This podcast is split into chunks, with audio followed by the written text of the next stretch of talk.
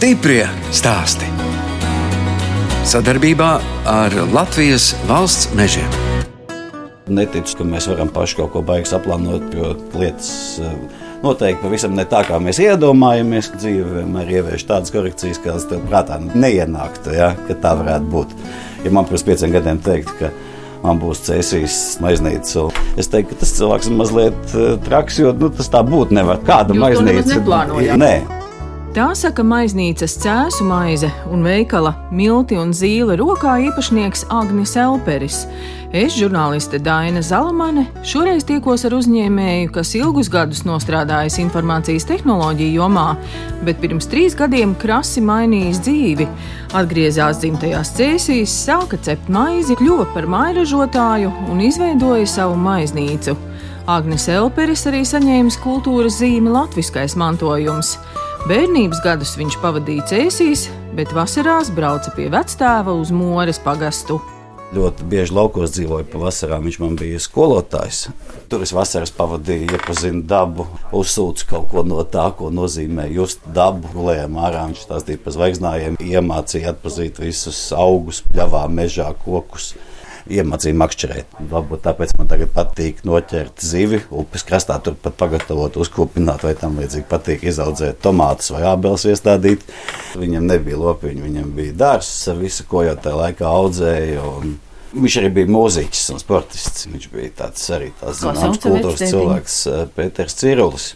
Cēsis bija tāda liela pilsēta. 70. un 80. gados strauji attīstījās. Visa skola bija brīnišķīga. Pulciņos arī gājām. Pulciņos gāja elektronikas, fotopulciņā un tautas dejās raitajā solī dejoja daudzus gadus. Un orientēšanās sporta tur man noteikti jāsaka paldies milzīgs ir eh, Bužikam un Milleram, maniem treneriem. Tas fundaments, ko es ieliku sev sportojot, mēs izbraukājām tur Igauniju, Ilustēdas un pat Krievijas. Iedomājieties, tas ir 80. gados. Orientēšanās sports man bija ļoti tuvs un joprojām ir tikai mm, tagad Nesenāk, nesenāk laika. Tad ieliku fantastisku šo fiziskās attīstības bāzi šo vairāk gadu, divreiz dienā treniņiem. Es jau arī biju kaut kur trešajā vietā Latvijā savā tajā V15 vai 17 grupā. Vidusskola bija brīnišķīga, brīnišķīgiem skolotājiem, brīnišķīgiem klases biedriem, kas tagad visā Latvijā zinām cilvēku ļoti daudz. Un, kas zīmīgi, pats bija skolnieks pēdējā klasē un vienlaicīgi kļuva ar ierakstu darbu grāmatiņā par skolotāju. Tieši Ko jūs mācījāt? i- informatiku. Mani pieņēma darbā, jo nebija kas pasniedz. Mācījos pats pēdējā klasē, pasniedzu gadu jaunākiem un četrus gadus jaunākiem pasniedzu informātiku. Toreiz tas bija kaut kas tāds jauns. un Jā, tas bija nebija pilnīgi jauns un nebija vienkārši neviens skolotājs. Es to lietu kaut kā tā vienkārši sapratu, visu zināju, un tad man piedāvāja mācīt, es piekrītu. Un vecāki, ar ko nodarbojās? Mamma zemes dienestā strādāja. Pirmais man laikam oficiālais darbs pēc skolotāja bija tieši zemes dienestā par palīgu strādnieku. Es apbraukāju pilnīgi visu tā laika cēsu rajonu. Katru stūrīti, faktiski. Tētis arī tehnisks cilvēks. Izšķirās vecāki aizbrauc uz Krieviju. jā. Jums ir kāds brālis, māsa? Nav es vienīgais. Vienīgais dēls. Man ir ļoti tuvu brālēni, daudzi no visām pusēm, bet es esmu vienīgais. Bērniem, kas bērnībā bijuši ļoti aizņemti, nemaz nav viegli izvēlēties to īsto profesiju. Es mācījos, tā bija vadības ekonomika, bet 90. gados tā visa mācīšanās bija tāda ļoti nosacīta lieta. Nevienā skolā es nekad neesmu ieguvis izglītību, kur es būtu pielietojis nedzēju tījumā. Augstskolā mums ar tā īstenībā tajā laikā nesanāca. Latvijas universitātē? Nē, nē, Tehniskajā universitātē. Es arī viņu pametu pietiekoši ātri. Man vienkārši nesanāca laika mācīties. Un varbūt tas ir mans ieguvums, jo man bija iespēja to saprast pašam. Tajā laikā jau nebija kas to īsti pasniedzis Latvijā. Pēc tam jau bija pirmais nopietnais darbs eh, Jāņa sētā, pēc kaut kāda neilga laika perioda, ko es strādāju vienkārši tipogrāfijā. Tas ir sagatavot papīru, tur sagatavot iespēju formas un strādāt ar iespēju mašīnu. Es arī ļoti ātri uzreiz eh, aizgāju veikt vadības uzskaitas sistēmas. Toreiz jau lidojām jau uz Angliju, uz Vāciju. Latvietiem vidējiem sapņos tas nerādījās, jo tūkstots latu maksāja viena lidmašīnas biļete līdz Frankfurtē. Tā bija tīrā pašmācība. Vēlāk jau nāca šīs te akadēmijas, ko es mācījos Anglijā un Vācijā, kur es to apgūvu padziļināti. Bet tie ir tādi vairāku mēnešu vienkārši mācību kursi, jo to jau viss piespiedu dzīve. Lieta jau nav uzrakstīt kādu programmas kodu vai uztaisīt kādu mājaslapu. Lieta jau ir šajā visā analītikā, šajā visā sistēma analīzē. Es esmu arhitekts. Pirms vispār programmētājs kaut ko nospiež taustiņu, es viņam esmu iedevis šo struktūru, šo visu režģi rāmi, kā tas viss būs. Redzu, kāds tam ir rezultāts, kas ir jāsasniedz. Tomēr 10, 20 gadi jau šajā vienā jomā. Un man tas viss apnika. Man apnika šī biežā lidošana uz Londonu, piemēram, un tāds nepārtrauktais stāsts taisīt kaut kādas uh, lietas un veidot sistēmas, kurām nekad nav gala. Es esmu bijis tur 20 valstīs, nezinu, vairāk. Ja? Nu, pēc tam jau tas viss bija viegli. Tajā laikā tas bija tā. Tā kā padomju cilvēkam pateikt, o, aizbrauc uz rietumiem. Bet tagad arī tajā informācija tehnoloģija jomā jūs vēl drusku darbojaties. Es darbojos tikai atstājot pāris cilvēkus, ar kuriem es esmu strādājis 20 gadus. Mēs viens otru labi zinām. Nu, mēs zinām, ko nu viens no otra prasīt. Un, protams, ka būtu pilnīgi muļķīgi pamest lietu, kur es labi uzsācis, kas ir. Nu, ko var darīt arī var da darīt attālināt. Jo tas darbs nu, turpinās Rīgā. Turpinās Rīgā. Jā. Man ir pāris cilvēki, kuri pieslēdzās projektiem, es viņiem iedod darbu uzdevumu, viņi to visu uzzīmē, izdara. Un tā arī tas notiek. Cik tad jūs gadus Rīgā pavadījāt? Sešus gadus es ikdienā nobraucu no cēsīm, pēc tam lēnām pārgāju uz pavisam dzīvi Rīgā. Nu, 11 gadi sanāk kaut kādi. Un kāpēc atgriezāties?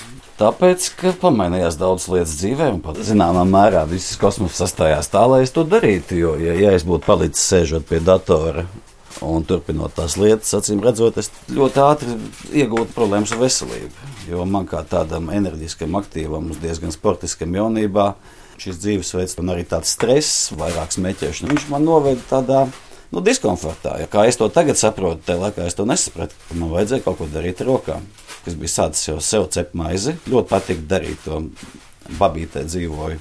Un atnākot uz cēsīm, es skatījos tur varbūt uz kaut kādu koku, uz tādām vairāk vēl tehniskām lietām. Kur te jūs cepāt sākumā to maizi? Mājās? Sociālos tīklos izveidoju lapiņu, Cēlus maizi, tā arī nosauc vienkārši. Un uzreiz atradās cilvēki, kuri negribēja vairs ēst to veikalu maizi. Nu, viņi atcerās veselības problēmu dēļ, cilvēki vispār ēd maizi mazāk.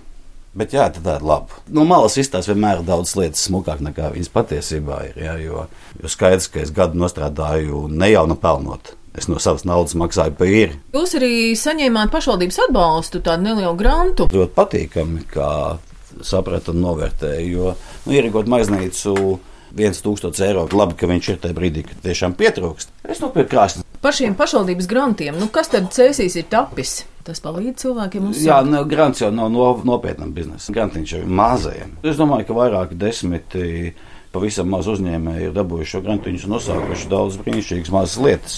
Grants nepalīdz, lai izveidotu tādu nu, jau kādu vidēju, lielāku biznesiņu. Tam jau ir citi mehānismi, fondi, kur jūs varat dabūt atbalstu finansējumu. Jā, man bija kredīti. Protams, ka man viņi bija. Man pat vienā brīdī bija ātrie kredīti, tāpēc ka man vienkārši nebija ko samaksāt naudas. Man vienkārši nācās paņemt un samaksāt. Cilvēks jau atrod izēju tā, kā var. Protams, jā, nu, tam visam jāiziet cauri, jo dzīvojot eh, vienkārši skaisti, pārtikuši. Tur jau nekas neveidojās. Cilvēks jau veidojās tikai tad, kad viņš saskarās ar kaut ko ļoti nopietnu. Tad arī viss straujāk veidojās. Stiprie stāstī!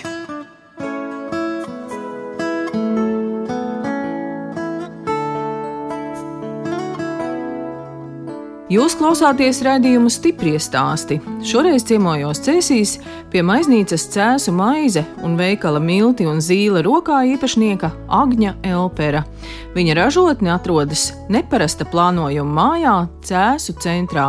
Es esmu dzirdējis, ka tajā tieši vietā, kur mums ir jaunais veikals, ir bijusi maiznīca. Māja saucās Hopas debesu skrapis, jo tā bija pirmā augstākā māja Cēsīs. Cik stāv? Četri tikai kaut kas vēl remontējās. Un šobrīd jau ir lielākā daļa aizpildīta, jo tas ir diezgan pieprasīta dzīvojamā platība. Mums jau šis pagalmiņš jāpiemina. Pagalmiņš ir pats mazākais iekšpagalms Cēsīs oficiāli. Blakus tā ieliņa, kur ir veikals baznīcas iela, tā ir pat īsākā iela Cēsīs. Tas tāds viss mini mini vecpilsētas šarms. Es kā ieraudzīju šo telpu, man bija tas klikšķis, ka šī ir tā īstā vieta. Eh, varbūt daļai tāpēc, ka te atsadzās tas eh, ļoti senais ārsienas mūrējums no iekšpuses. Šie te dolomīti akmeņi pavisam viennozīmīgi nav atvesti, lai celtu šo māju. Viņi ir izmantoti no kādām iepriekšējām. Tas varbūt arī 12. gadsimtā jau bijis lietots šeit, apbūvē, ap pili. Cēsu maize top no bioloģiski audzētiem graudiem un dabīgā ierauga. Saimnieks maizi cep no plēkšņu, kviešu jeb speltes graudiem, kas ir viena no senākajām pasaules graudaugu kultūrām.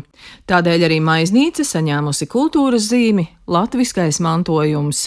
Katram latvietim stāsta, kas ir savais kvieši, jo viņi nezina. Viņi nesaprot, ko tas nozīmē vispār. Viņi domā, ka tās ir kaut kādas sēnelas.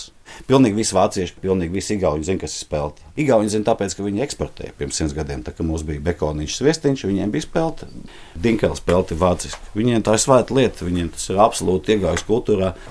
Spēlta Latvijas teritorijā ienāca mazliet pēc rudziena. Šeit neauga ne rudzena kvieši. Ja? Te auga tikai mieši, starp citu. Spēlta, tas ir angļu vārds, vāciski dinkeli, franciski poteri, poliski orkiši, latviski plēkšņu kvieši. Tas ir viens no pirmajiem kviešu paveidiem. Ģenētiski neaiztikts kviešu cilstāvs. Tie mūsdienu modernie kvieši ir mainīti stipri un nepanes viņu cilvēku. Jo mūsu ķermenis tā īsti nesaprot, ko viņš ēd tajā brīdī. Graudi, kur ir samalti akmens dzirnavās, audzēti bioloģiskā lauksaimniecībā. Akmens dzirnavas ko nozīmē? Milti nesakars tik ļoti, kā, teiksim, nu, veikalā pirktie milti. Maļoti sasniedz augstu temperatūru, viņi ir absolūti miruši, viņos nekā nav. Agnes Elperis maizi sāka cept pirms deviņiem gadiem, bet maiznīcu izveidoja pirms trīs gadiem. Maiznīcā top sešu veidu maize, un katras receptes izstrādē un pilnveidošanā ieguldīts gads pusotra. Agnes uzsver, ka maizes cepšanā svarīgas ir daudzas lietas - tīrība, prasme strādāt ar dabīgo ieraugu. Pat labam tiek jaukta maizes mīkla. Mēs gatavojam trīs veidu maizi. Katrā traukā būs Tagad sava maizīte. Maizīte, jā. jā, vienā būs savaļas kviešu, plēkšņu kviešu saldā maize, ļoti iecienīts našķis, kam ir nulle taukvielu un maz balto miltu. Pa vidu būs tīrā savvaļas kviešu maize, un pa labi te būs pelgraudu miežu rupmaize. Cik ilgi jāmīts, kā jūs zinat, ka ir gatavs? Ar šiem maizes veidiem mums ir mazliet paveicies, jo tā mītīšana nav tik gara, ne tā kā rudzmaizīt, kas stunda. Tā mīkla nav tik bieza.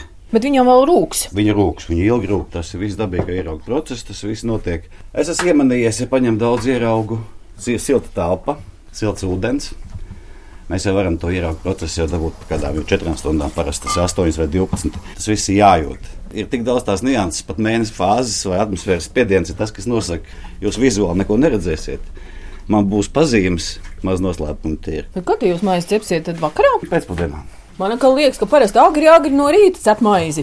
Nu, ja es izceptu agri maizi šorīt, tad es viņu šodien nemaz nepārdotu. 7 kilo klaips viņš dziest, nogatavojas kādas 10, 12 stundas. Vasarā Agnim maiznīcā palīdz cēsu skolēns un maizes cepējs Daniels Dadzītis. Jūs esat uh, saistīts ar mūziku?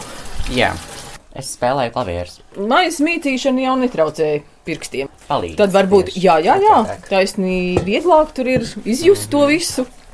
Ir tā? Jā. Jo, kad spēlē klavieres, cirksti ir tie, kas ir tas visnozīmīgākais instruments cilvēkam, un arī maisa mītīšanā rokas un pirksti ir ļoti svarīgi. Bet tev jau bija kaut kāda pieredze bijusi, nezinu, vecmāmiņa laukos vai kaut kas galīgi ne? Nekad. Puisis pats pieteicās. Tikai pēc tam izrādījās, ka es viņu māmas vienā klasē mācījos šeit pēc sesijas. Bet viņa māmas vienā klasē mācījās, un mana meita ir viņa skolotāja. Tā jau ir tajās mazpilsētās. Jā.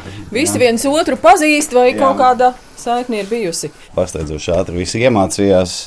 Un šobrīd jau pēc dažu mēnešu darba faktiski spēja viens pats novadīt visu procesu maiznīcā. Viņš var iejaukt, sagatavot maizi, māki izcept, protams, afasēt un, kā jau visiem jauniem cilvēkiem, labas valodas zināšanas, viņš arī ļoti viegli un forši komunicē. Mums šeit ļoti daudz turistu jā. vasarā mums ir turisti, jā, viņš arī nopārdot maizi izstāstīt. Un ļoti patīkami būt vairāk jaunu cilvēku. Es esmu bijusi pie maizes cepējiem, kas maizi cep malkas krāsnī, un es vienmēr ar dziļu izbrīnu tiešām skatos, nu, ko nozīmē izkurināt malkas krāsni un sajust īsto temperatūru un izcept. Jā. Nu, jums ir elektriskās Jā. krāsnes, un ar elektrisko krāsni droši vien tas process ir tomēr krietni vienkāršāks. Viņš ir vieglāks, noteikti.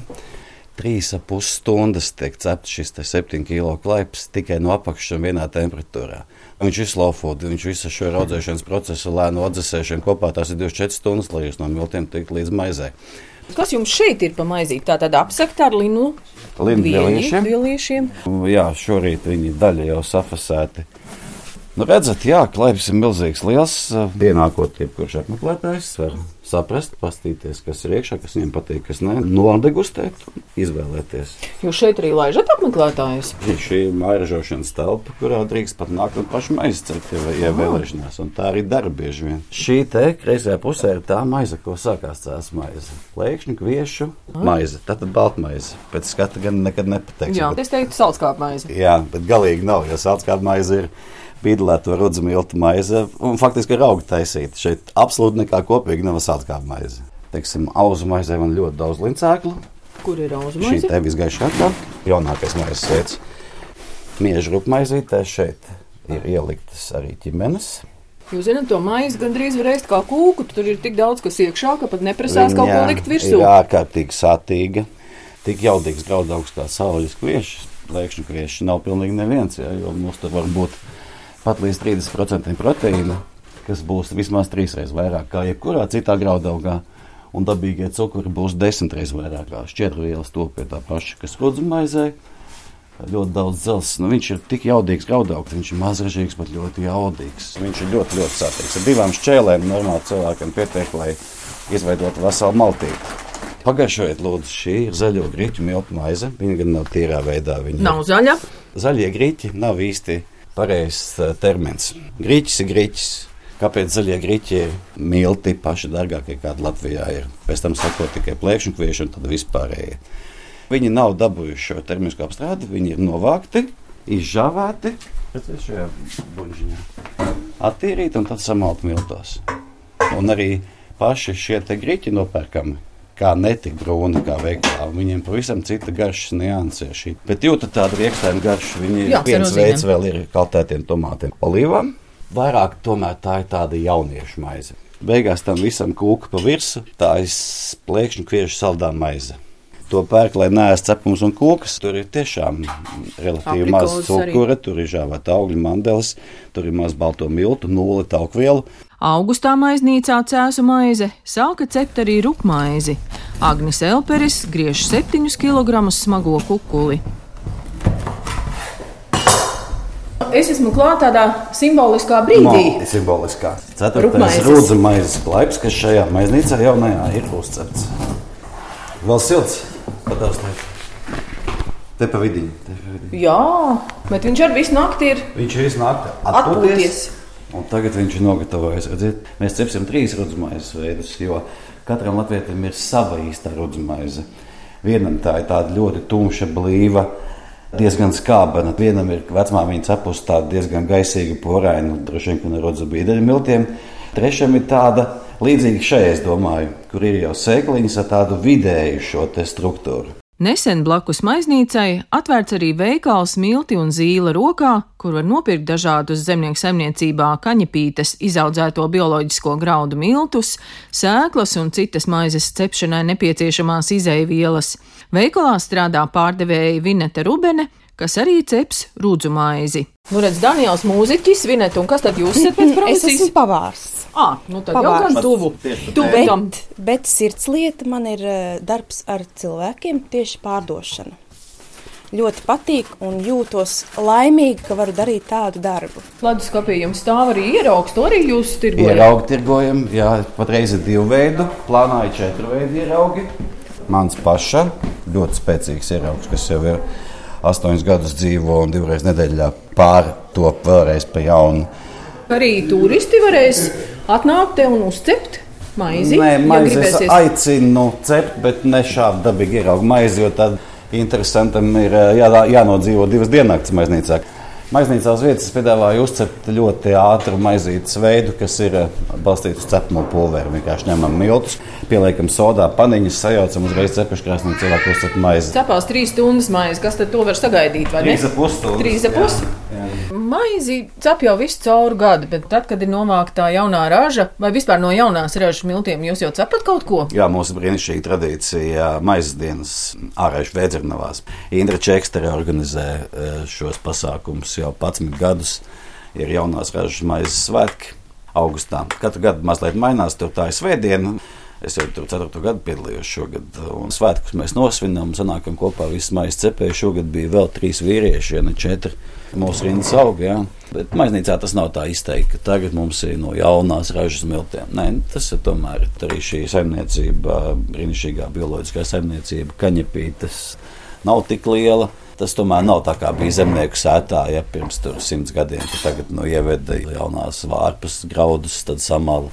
Mūsdienās mazliet tas nonivelējās, jo visu laiku jābūt miltiem. Nu, nevar būt tā, ka man tagad beigušies pagājušajā gadā, nu būs šogad. Nu, tā nav. Teicāt, ka jums tā maiznīca ir ļoti maziņa. Nu, cik jūs izcepat? Nu, izcepam tur 10 kg, 20 nu, tas Dienā? Jā, nu, jā, ja pasūta, var uzcept vairāk, var uzcept arī 40 kg. Jā, tas ir sezonāli un visādi. Un ko darat tad, ja pāri paliek? Nepaliek. Nu, ja stāvējusi kaut kādas 3, 8, 48 stundas, tad es pieeju, uzlieku zīmīti, atsevišķu stendiņu, te pa puscenu, trešās dienas maizīte. Ļoti labprāt tādu pērku. Tā maize, tā ir tāda svēta Maģija. lieta. Kaut Jā. kas no maģijas. Jā, jau parastam cilvēkam šķiet. Tas jau, kurš saprot dabīgi ieraugumā, maizi izcept, tas jau nu baigi daudz zina. Jo mēs varam iztikt bez daudzām ekstrām, bet maizi, nu jūs sakāt, ēd mazāk, bet nu vienmēr mēs ēdīsim mai- maizi. jā, maizi ēd. Stiprie stāsti.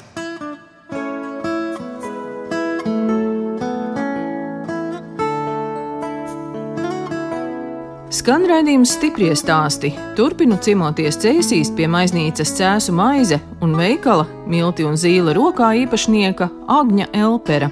Viņš jau stāsta par dzīves biedri Solvitu un meitu Terēzi. Brīnišķīga meita, liela skolotāja. Nu, viņa dzīvoja, strādāja Rīgā, atkal atgriezās Cēsīs. Nu, viņa vīru abi divi tādi pa pusē Rīgas Cēsīs, nu, Terēzi iespējamo misiju. Izgājis un kļuva par angļu valodas skolotāju. Viņa pastrādāja Rīgā. Notiņš mans Toms strādā Rīgā. Vairākās labās vietās strādājis draugiem grupā un, un telekomā. Un, Un viņi tādi nu, moderni, mūsdienu cilvēki. Mobili. Viņiem viena kāja te, viena tur, protams, viņiem. Un tieši šobrīd Cēsīs māca angļu valodu, ir skolotāja pastāvīgā darbā. Kāds mazbērns jums arī ir? Nē, Vēl nav. Vēl Nav. viss priekšā. nav. Pa sīvu vēl kādu vārdu pastāstiet. Dzīves biedre. Dzīvojam tagad trīs gadus kopā, četrus jau. Nu, te jūs tiešām esat visu ko nomainījis dzīvē. Jā, jā, Kardināli. jā tas arī bija saistīts ar atgriešanos Cēsīs. Un dzīves biedri cēsniece. Jā, priekuļmeitene, man dzīves biedrē ir laukos māja, tepat netālu no cēsīm. Mēs arī tagad dzīvojam vienkārši dzīvoklī. Viņi strādā valsts dienas tā nopietnām. Tā ir ļoti bieži izplatīts, ka viens ir mājražotājs, kurš kaut ko sāk, un otram tomēr jābūt ir ar tādiem patstāvīgiem ienākumiem. Tas arī nav slikti, vai ne? Noteikti, noteikti. Jā. Man gan nekad nav nācies tādā izpratnē balstīties uz dzīves biedras ienākumiem, lai sevi piesaktu, kaut kā vienmēr esmu varējis parūpēties. Vai ar to pašu ātrā kredītu, bet iesu izlīdz cauri šaurākajām pudeles vietām. Nu, brīdī. kā jūsu dzīves biedrei un meitai tikai jūs cepto maizi ēdat? Man liekas, ka meita vispār maizi nē, praktiski man dzīves brīdī. Mēs arī abi divi, man jau no rudzu maizes, tad mēs tagad nedēļā vien gabaliņu par diviem noēdam. Mēs piesakojam tam, ko ēdam. Mums nav greznība uz galda tādā izpratnē noteikti. Nē. Tās ir vienkāršas lietas, ja? bet pietiekoši labas. Tā ir vienkārši zivs, vienkārši gaļa, tie ir labi dārzeņi. Es vienkārši pats labi gatavoju ēst, līdz ar to man nenākās pirkt šo produkciju, kas mums tāda pusgatavota ir. Ja? No pašam ir jāsaprot, kā vienkārši pareizi labi pāriest. Nu, nē, es drāņķus, nu, nedzert saldinātās limonādes, nu, nē, es tos visus no hamburgerus, kūkas. Tas nav vajadzīgs. Mēs esam pieraduši, jā, mums ir atkarība izveidojusies. Jau. Un kādas attiecības ar sportu? Tagad sports ir mana maize. Es ikdienā pavadu uz kājām jau kuru gadu. Jāpavada 8 stundas uz kājām, jādara, jāstrādā. Es atguvu formu. Pirms pieciem gadiem pavisam apaļīgāks izskatījos. Es esmu pa dienu tā pastrādājis, ka man līdz nojošanai vai līdz kam es ar ļoti lielu prieku atrodu šo iespēju, ka man ir laiks un spēks aizvākt pamatšķirēt. Es vienkārši nogurstu. Es tiešām daudz strādāju, ļoti daudz strādāju. Pagājušajā gadā noķēru lielāku līdzekļu mūžā. Manā augumā. Patiešām Zem viegli. 20 kg. Nu, Zem 20 gan, jā, bet nu milzīgi. Nu, milzīgi. Fantastiski. Un kur jūs noķērāt viņu? Neteikšu. Tā saka visi īsti makšķernieki, jā. Ezerā vai upē? Ezerā? Nu, cēs apkārtnē jau Jā, daudz tie ezeri, vai ne? Te, nu, jā, daudz, daudz, jā, jā, Pat nemā- nemēģināšu Nē, minēt. nē, nē. nē. Cēs ziņā. koncertu zāli arī apmeklējat. Bieži. Esmu ļoti priecīgs. Nu, kas ir bijis tāds, tāds spilgtākās atmiņas? Mākslas festivāla ietvaros esmu piedalījies visus šos gadus pilsparkā, kas mums ir žagarkunga rīkotie pasākumi. Un, Bet un pietiek ar cēsiniekiem, vai brauc arī no Rīgas daudzi skatīties? Man liekas, ka šajos pasākumos ir tikai rīznieki. Tur ļoti reti redz cēsiniekus. Nu, kāpēc tu cēsinieki? Nav ne jausmas, nē, iet, bet varbūt ka viņi vienkārši tik mazi. Viņi izšķīst tajā mozaīkajā pūlī, kas šeit sabrauc. Nu, lampa taču jums notiek uz lampu arī aiziet. Jā, uz lampu noteikti aizēju. Ne jau lai pats sēdētu un klausītos diskusijās, tas varu tiešraidē pēc tam vakarā pastīties interesantākās, vienkārši pabaudīt sajust šo atmosfēru. Tajās dienās, kad cēsīs ir lielie pasākumi, man maiznīca ir pilna. Es esmu dienā pirms tam sācis strādāt, visu to dienu nostrādājis. Es tajos sešos, es tā diezgan knapi velkot kājas. Vispār dažreiz esmu priecīgs, ka tā var nu, normāli līdz mājām aiziet. Pēc tam, ka vēl jāizstaigā kāda stundiņa parkā pasākums. Kā cēsis ir mainījušās šo gadu laikā? Fantastiski! Jūs teicāt, ka bija viens brīdis, kad uh, milzīgi nokritās iedzīvotāji. Jā, tas zaudēja tā kā divas trešdaļas no pilsētas. Ja. Ko, man liekas, tā īrija paņēma. Tur bija tie vairāki viļņi. Man liekas, ka tas 2006. gads bija tas, kas bija visdramatiskākais. Šis 8000 cilvēku palika, bija 20 pāri. Burtiski nomirta tā pilsēta. Tas tukšums cilvēku nav. Tur ielām cilvēku nav. Nesaukšu precīzi, es zinu, ka vēl pāris pilsētas Latvijā īpaši cieta tieši no emigrācijas. Ja. Un tagad pēdējos gados tas ir fantastiski. Tie ir tie trīs gadi, kas esmu cēsījis. Kā viņas ir nomainījušās, visi šie remonti, visas šīs renovācijas, sākot ar koncertu zāli, sataisītām ielām. Cēsīs jūs nevarat atrast telpu, kur var uzsākt uzņēmējdarbību vai par saprātīgu cenu noierēt dzīvokli. Viss beidzies, Rīgas cena. Tas viss trīs gadu laikā noticis. Pašvaldībā jauni cilvēki, un pats galvenais ar arī ļoti jauns, domājušs cilvēks. Droši vien, ka klausīsies kāds, kuram patiktu kaut kādu maiznīcu ierīkot un kaut ko cept. Uz priekšu dariet to. to. Ja jūs jūtat, ka jums vajag strādāt, dariet to. Vai tā būtu maiznīca, vai jūs jūtat, ka jums vajag virpot balkonu margas, vai žāvēt lauka tējas, vai gribat mūrēt kamīnus. No uz priekšu dariet to. Nu, neatmetiet varbūt savu darbu, pamēģiniet no sākuma apvienot mazliet, nu, mēģiniet kaut ko darīt. Vairāk arī ar rokām. Nu, vismaz, lai kaut kas paliek, nu, kaut kas padarīts. Jo šī sajūta, ka tas cikls tomēr noslēdzas ar kaut kādu sākumu un ar redzamām, paredzamām beigām, un paldies par padarīto naudas apmaiņu, kā enerģiju. Viņš tomēr ir veselībai nepieciešams sastāvdaļa dzīvē. Kādi tad jums dzīvē ir bijuši brīži, kad jābūt stipram? Oi, sāpīgi. Es esmu diezgan nepatīkami, spēcīgi gājis cauri lietām. Man bija jābūt stipram, tad, kad bijuši veselība problēmas. Ne tik vienkāršā veidā, kāds varētu šķist, ka vienkārši sāp kāja. Ir bijis grūti, ļoti grūti. Kā jūs to pārvarējāt? tā lēni, ilgstoši. Nu, nenotiek nekas tik ātri un brīnumaini, kā kaut kāda brīnumaina dziedināšana vai tam līdzīgi. Ja tas saistās ar tādām dziļām, fundamentālām lietām, tad tie ir gadi, kamēr tu kaut ko vari mainīt dzīvē. Tas nav tā, tagad sportošu vai tur nepīpēšu. Nu, veselīgu dzīvesveidu sākšu. Ļoti bieži tam ir vajadzīgs ilgs laiks, kamēr viss ķermenis, visi ieradumi, viss, kamēr es to pierodu. Nocīm redzot, tāpēc arī es esmu mainījies. Ja man šobrīd man ir bijuši vairāk piedāvājumi, pirmkārt, gan braukt prom no Latvijas, strādāt ar šo pašu maizi. Divi konkrēti cilvēki ir bijuši. Stāst un rekomendācija Somāņa nauda. Paņem, aizbrauc Rīgā, vecpilsētā un uztais kādu maiznīcu gribi. Kaut kad, kad varēs ārdos. Es nevaru, es negribu. Saprotiet, tie ir fantastiski piedāvājumi. No tādiem neatsakās. Pieņemsim 100 tūkstošus eiro. Es viņus neņemu. Jo tas uzreiz uzliek atkal no nākošo pienākumu. Atkal tā ir dzīve Rīgā, tās ir naudas lietas, un tas ir pilnīgi kaut kas cits. Pirms 20 gadiem par tādu piedāvājumu es jebko darītu. Es, eh, Kamieļus audzētu Rīgas centrā, ja man iedod naudu un teikt, lūdzu, taisa pasākumu tādu, jā, lielāko prieku. Jā. Tu jau sāc saprast dziļākos slāņos, kas tur notiek un, un kā tas būs. Pārāk liels bizness, viņš noteikti kaut kādā mērā samaitā cilvēku. Lietām ir jābūt tikai tik, cik viņas ir vajadzīgas. Es ļoti ceru, ka daudz nevajadzīgu lietu pasākumi arī drīz beigsies, jo tas tomēr mums gandēja kopumā pēc tam visu dzīvi. Ja mums šodien šķiet, ka mums vajag kaut kādas tur, tādas kurpītas, tādu cepurīti, tādu mašīnu. Un mēs varam paskatīties uz gan arī jebkuru lietām, kas ir uz zemeslodes, un pateikt, ka kaut kāda puse no viņām nu, pavisam noteikti uzreiz nav vajadzīgas. Es redzu, ka sabiedrība paliek gudrāka, labāka, vienkāršāka atmetam visu šīs nevajadzīgās liekās greznības, uzpūstās lietas, kas nav vajadzīgas nevienam, un kaut kā mēģinām dzīvot laimīgāk. Redījums stipri stāstī skan, un es atvados no mairažotāja Agņa Elpera, kas cēsīs izveidojis maiznīcu un cep maizi no īpašiem plēkšņu kviešu jeb speltas graudu miltiem.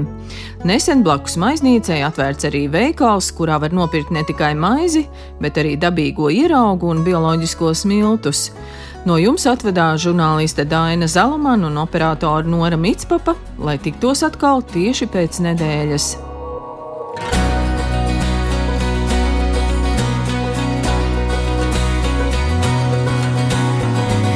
Stiprie stāsti.